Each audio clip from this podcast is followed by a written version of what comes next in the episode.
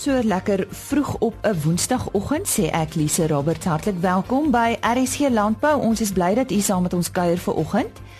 Kom ons kyk wat is op vandag se program. Ons gesels oor kontantvloei en die goeie bestuur daarvan in jou boerdery. Die Suid-Afrikaanse Graan Laboratorium of SAGL praat oor koringnavorsing. En het jy al van 'n draak vrug gehoor. En die maas het so 'n bietjie meer daaroor gaan uitvind en uh, daar's nog vele brokkies landbou nuus so tussendeur. So bly ingeskakel. Ons begin met goeie nuus vir Suid-Afrikaanse landbou. 'n Suid-Afrikaanse handskeder word weer bekroon met 'n wêreldtitel. Mayenzeki Jweni is so week of wat gelede as wêreldkampioen tydens die wêreld skaapskeer en wolhanteringskampioenskappe wat in Invercargill in die Suideiland van Nieu-Seeland plaasgevind het bekroon. Hy het beide die Southland All Nations Ope Kampioenskappe sowel as die wêreldkampioenskappe titels in die handskeer afdeling gewen. Dit is Jweni se tweede wêreldtitel terwyl hy naaswenner was tydens die 2011 kampioenskappe. Sy spanmaat Bongani Joel het vierde plek in die finale verower. Die Suid-Afrikaanse span het 'n week voor die kompetisie 'n 2 en 'n half dae oefensessie ondergaan om 1000 oeye te skeer in die plaasskuur van Chris en Robin O'Connell in Orepuki. Hier is hulle blootgestel aan die tipe skaap wat baie sterk wol tussen 36 en 40 mikron lewer en wat lyk soos ou bokhaar. Hierdie sessie is ook goed benut ter voorbereiding van hulle skaapskerre vir die kompetisie.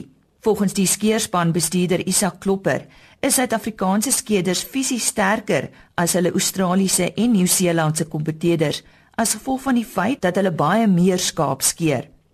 Hulle voorarms en handspiere is meer gelouter en hulle uithou vermoë is baie sterker gevestig. Suid-Afrika oorheers die handskeer afdeling sedert 1996 toe Elliot Ntsobo van Lesotho as eerste deelnemer uit Afrika gekroon is as wêreldkampioen. Zweliwile Hans het die titel al 4 keer verower, die eerste keer in 1998 in Gori, Ierland.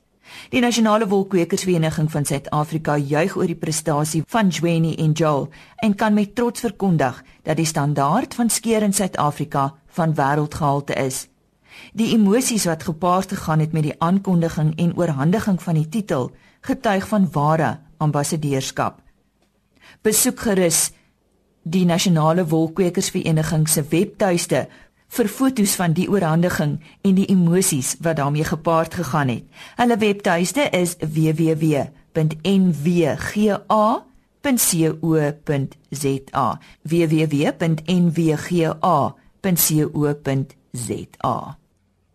Jy het al baie keer die gesegde gehoor kontant is koning en uh, dis waaroor ons gaan praat met Frans van Eden, rekenmeester van Pretoria meer spesifiek oor uh, kontantbestuurstelsels. Uh, wat is 'n doeltreffende kontantbestuurstelsel? Wat is die onderbou?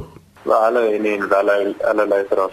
Wat ek graag wil wil noem is 'n doeltreffende kontantbestuurstelsel is waar jy kan meet hoeveel kontant gaan inkom teen 'n sekere tyd en hoeveel kontant gaan uitgaan.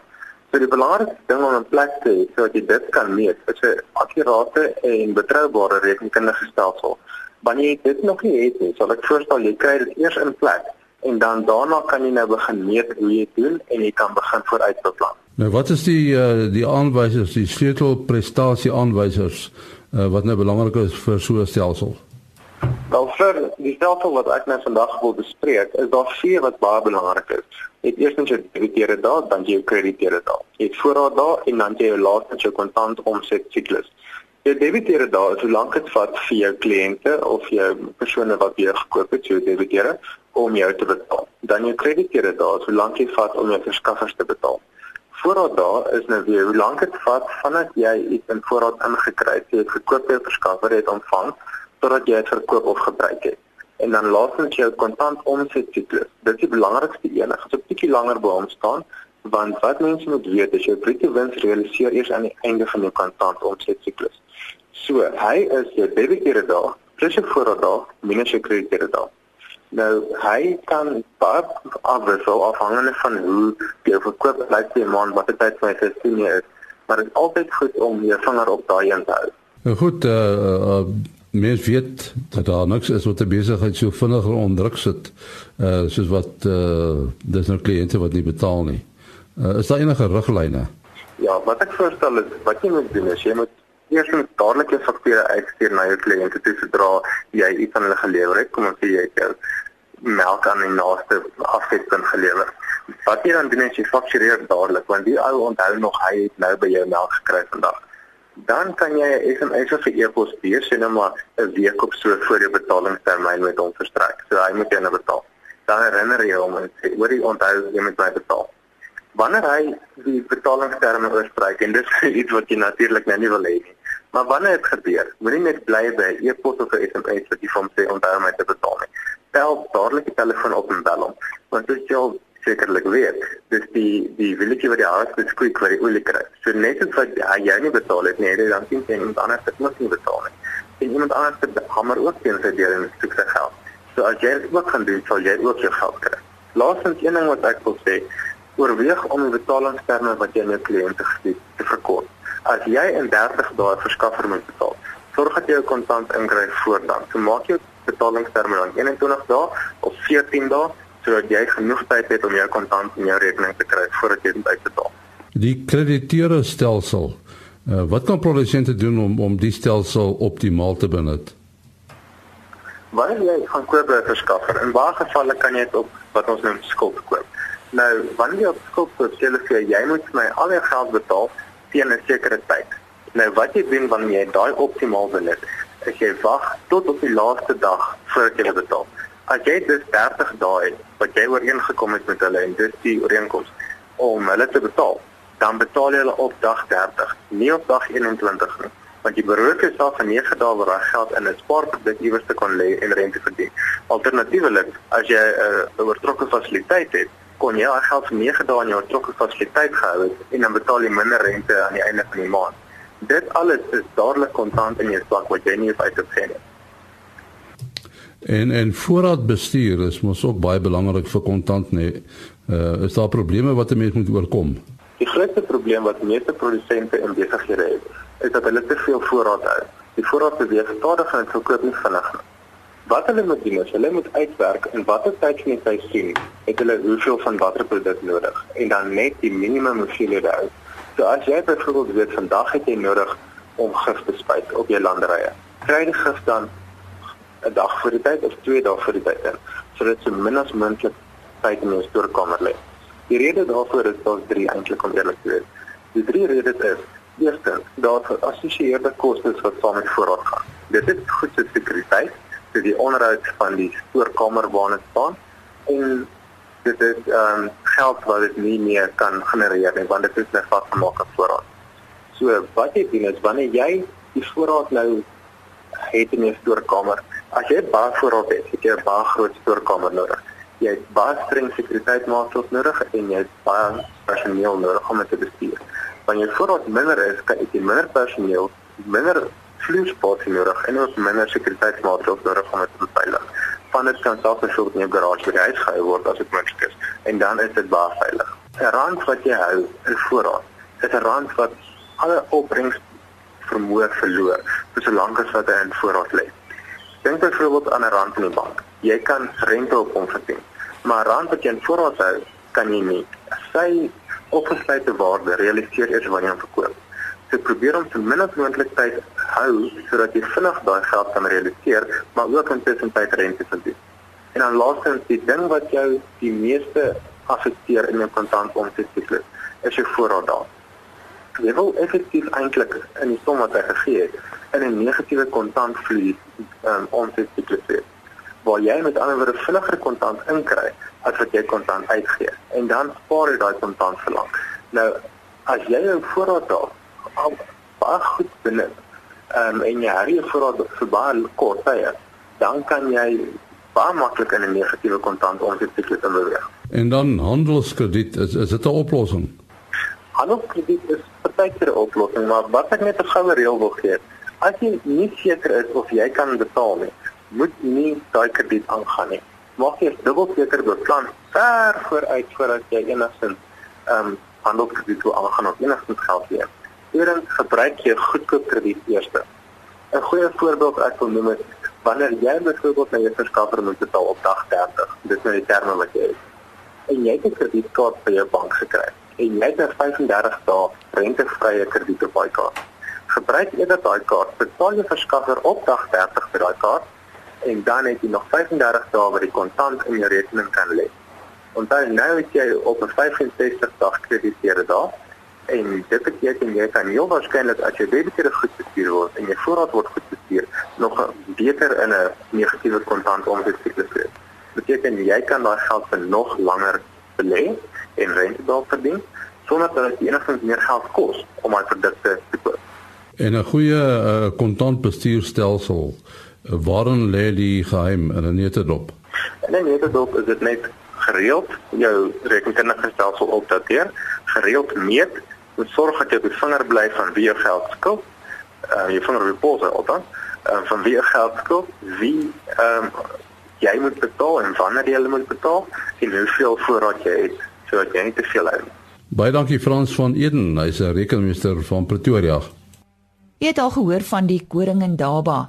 Nou op Vrydag 17 Februarie het, het hierdie in Daba in Pretoria plaasgevind en vandag vind dit by Elsenburg in die Wes-Kaap plaas. Die Suid-Afrikaanse Graan Laboratorium of SAGL doen opwindende werk op koring. Ek gesels nou met die hoofbestuurder Viana Lou. Goeiemôre baie dankie vir die geleentheid. Ehm um, die SAGL is 'n onafhanklike laboratorium wat optree as 'n verwysingslaboratorium vir die graan en oliesade bedryf. Ons hele doel is om wat die analises wat ons doen is gefokus op die behoeftes van die graan en oliesade bedryf. En as ons nou vandag praat, dan sal ek vir jou 'n bietjie meer vertel oor die spesifieke ehm um, funksies wat ons vervul ten opsigte van koring, want dit is nou die die gesprek wat ons nou het. So ek sal vandag 'n bietjie fokus op die werk wat ons doen vir die koringbedryf. En waar is julle gesetel? Ehm um, ons laboratorium is in Pretoria. Ons is in die graangebou, deel van die van die Agri Hub ehm um, wat eintlik vir ons 'n heerlike posisie is in terme van die die uh, interaksie met die hele bedryf want meeste van die vergaderings gebeur hier en industrievergaderings. So ons en verteenwoordig op die SAGL se raad van direkteure sit dan verteenwoordigings van die hele waardeketting van die uh, graan en oliesade. So dit gee vir ons die die toegang tot tot die behoefte om die behoeftes te identifiseer wat die wat die bedryf het sodat ons ons toetskapasiteit ontwikkel en en so posisioneer dat ons in die posisie is om die funksie te vervul as 'n verwysingslaboratorium vir die bedryf. Ons luisteraars ken nou die Klein Graan Instituut goed wat ons weet wat ook betrokke is by koringnavorsing. Maar eh, dis verblywend om te weet hoeveel instansies wel betrokke is by uh, kommersiële koringteelers.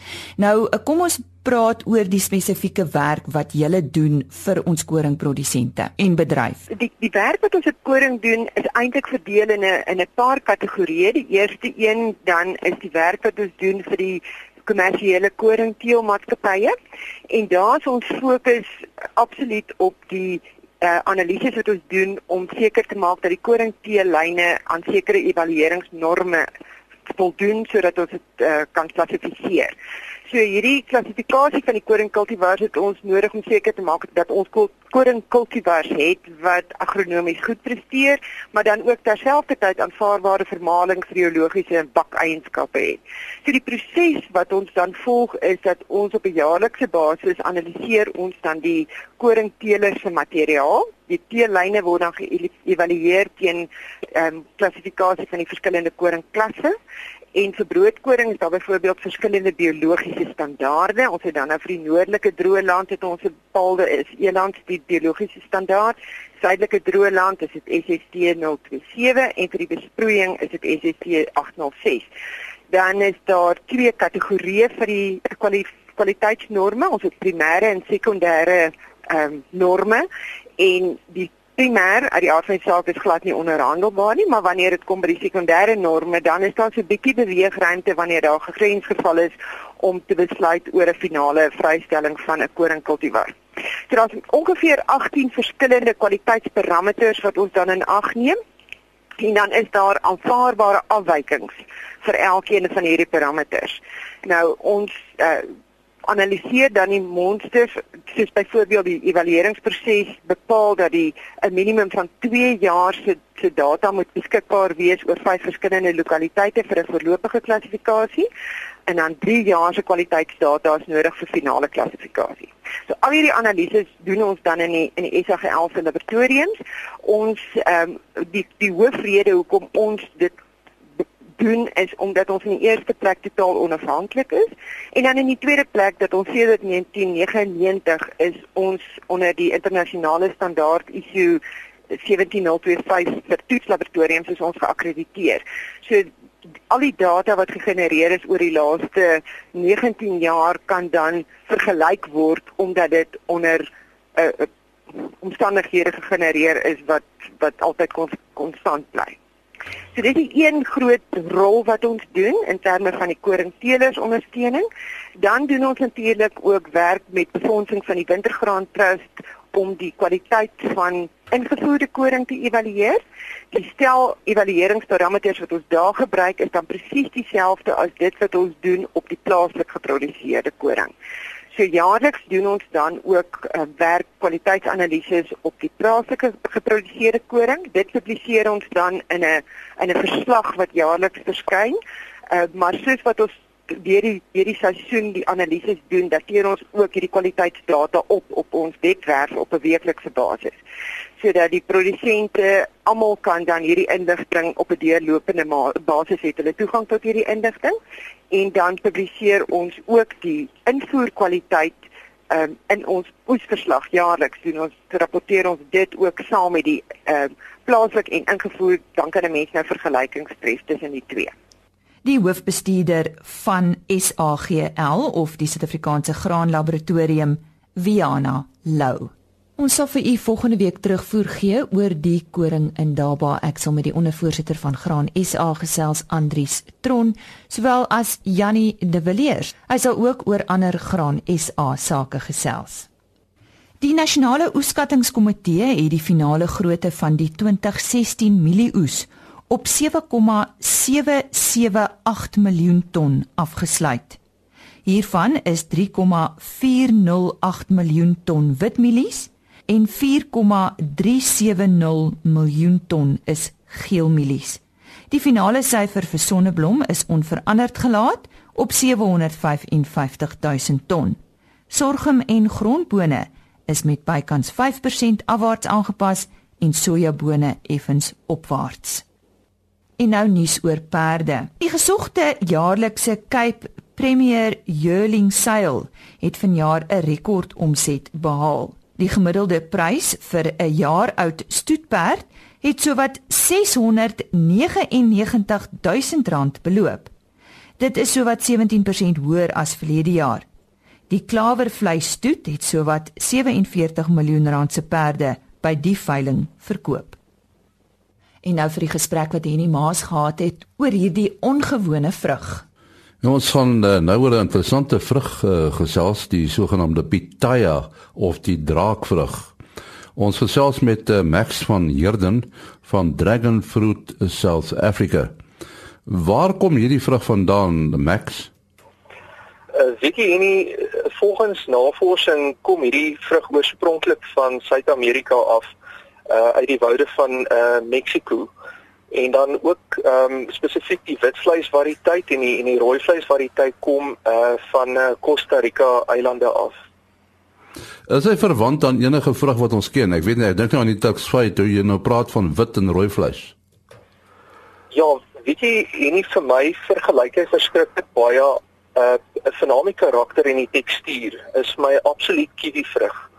Ehm um, en die smaak is grens my baie naby aan uh iets tussen 'n kiwi en 'n lychee. Uh is daar nou ehm uh, van hierdie hierdie vrugte wat uh, minder smaaklik is of is dit almal dieselfde smaak? Uh daar is variëteite ehm um, spesifiek jou ligte variëteite is jou variëteite wat regtig baie ehm um, of effens styl kan smaak wat dalk nie baie suiker in het nie, maar hoe donkerder jou pitaya is, ehm um, soos jou rooi vleis uh, variëteit en jou persvleis variëteit, hulle is die variëteite wat eintlik die die uh suiker dra en ehm um, wat lekker soet is. So as mens kyk jou jou vrug moet donker wees. Nou donkerder hy is en goed meer suiker bevat jou vrug. As jy sê dat die vrug uh, oorspronklik van Suid-Amerika kom, dan soek hy seker eh, 'n uh, tropiese omgewing. Weet jy snaaks genoeg, ehm um, die Petaya is 'n tropiese na subtropiese ehm um, plantgewas maar hy is baie goed aanpasbaar regtig in baie streke van ehm um, van ons land byvoorbeeld uh, warm streke ehm um, en dan ook warm droë streke en dan ook koue streke. Daar's ouens wat hom in Suid-Afrika doen tot in uh Kreeusdorp en Sasolburg en dis plekke wat eintlik en en Kalinin is plekke wat eintlik baie koue ehm um, baie koue deur die winter kry. Goed, maar hy doen regtig baie goed daarso. Mense wat hom basies as jy in 'n koue streek is net so klein bietjie beskik teen ryp, maar hy hou van basies enige klimaat, is hy baie aanpasbaar voor. Nou plant mense dit in tuine. Ouens is lief om om in tuine te plant. Ehm um, die die meeste van daai ouens is mense wat uh, dalk vir 'n vakansie in Thailand was of uh, uh een van daai uh, Asiëse lande en uh, daar sou eet jy om uh, regtig dwars deur die dag in die oggend, middag en aand as hy in vrugte slaaie en die ouens kry vreeslik vinnig 'n groot liefde in aan die smaak van hierdie vrug. En uh gewoonlik as hulle terug is, die heel eerste ding wat hulle sê is hulle soek hierdie vrug om in hulle tuin te plant. So ouens is lief hy hy hy's verskriklik skou spelagtig. Um, as hy blom, hy het vreeslike mooi geurende groot blomme wat wat 'n baie mooi aantreklikheid is vir die tuin. En uh die die die vrugte draai die heel jaar. Hy is 'n gewas wat basies die hele somer deur ehm um, vrug dra. Hulle begin so daar middel Oktober maand sal jou heel eerste blomseisoen begin. En dan blom hy dwars deur van Oktober af tot laat Mei toe wanneer die koue begin kom en dan is dit ook jou laaste stel vrugte en goed vir die jaar. So hy's 'n heel somer deur uh draande ehm um, gewas. So hy, hy is waarskynlik ook meerjarig, nê? Nee? Ja, hy's hy's meerjarig. Ehm um, sy lewenstydperk is daar in die omgewing van tussen 20 en 30 jaar per plant. Maar wat hom lekker maak is dat ehm um, jou materiaal, jou plantmateriaal letterlik soos wat jy dit kan afbreek, so druk jy dit in die grond in en jy kan jou volgende plante vir jouself so aanplant. En uh, ons ons praat natuurlik nou oor die petaya en oor die kommersiële waarde. Uh is die die soort vrug nogal bekend hier in Suid-Afrika? Ehm um, so so 3 jaar terug toe daar nou nogal redelike goeie publisiteit ehm um, stadiums gewees waar uh, daar byvoorbeeld in die koerante bietjie aftrek gewees het oor ehm um, oor hierdie besonderse vrug en uh, wat die aandag so na hom te gefestig het is in 2010 het hy ehm um, uh, is hy verklaar as een van die wêreld se top 10 kankerbevegde vrugte in van die wêreld. En ehm um, dit het die mense 'n baie groot aantreklikheid gegee tot die vrug. En ehm um, hy het regtig 'n goeie waarde en goed vir uh vir die mense in Suid-Afrika self. En ek het gesien dat die belangstelling ehm um, vir die vrugte goed in Suid-Afrika baie gegroei hierdie afgelope ruk. En ehm um, die ouens begin om so stelselmatig begin hulle die vrug gewoond raak en ken. Maar ek voel daar's nog 'n groot tekort aan ehm um, aan publisiteit op die vrug self want heidaglik dit wat wel vervaardig word of of dit wat wel uh, geproduseer word, ehm um, fokus die ouens baie om uit te voer en nie vir ons lokale mark nie. So dit wat ons maar in die winkel sien is is regtig 'n 'n persentasie van dit wat uitgaan. Jy sê die gewildheid neem toe, so die ouens voer uit laat dit klap. Ja, Jessie. Ons is eintlik in 'n baie bevoordeelde posisie om in hierdie suidelike halfrond te wees want die ouens wat in die wêreldmark regtig baie domineer soos jou ehm um, soos jou Vietnam en en daai plekke kan produseer wanneer ons vrugte in rustyd is. Wanneer ons plante in rustyd is, so die vrugte wat ons produseer in Suid-Afrika is letterlik ehm um, out season fruit en dit maak dit so aantreklik vir die buiteland. Nee, dit was 'n Max van Herden van Dragon Fruit South Africa. Nou ja, daar het jy dit en baie dankie aan Henny Maas. En nou vir die bokhaar veiling verslag. Die openingsveiling van die somerverkoopseisoen het ten spyte van 'n sterker rand en die gemengde aard van die aanbieding bestendig verloop. Somerkleinbokkiehaar was nie kwoteer nie weens beperkte volumes en die negatiewe invloed van die voortgesette droogte op beide kwaliteit en lengte. Die rand het met 3,5% teenoor die Amerikaanse dollar versterk en teen R13.15 verhandel. Stabiele aanvraag van kopers het daartoe gelei dat die gemiddelde markaanwyser met 1,0% tot R186.85 per kilogram gestyg het.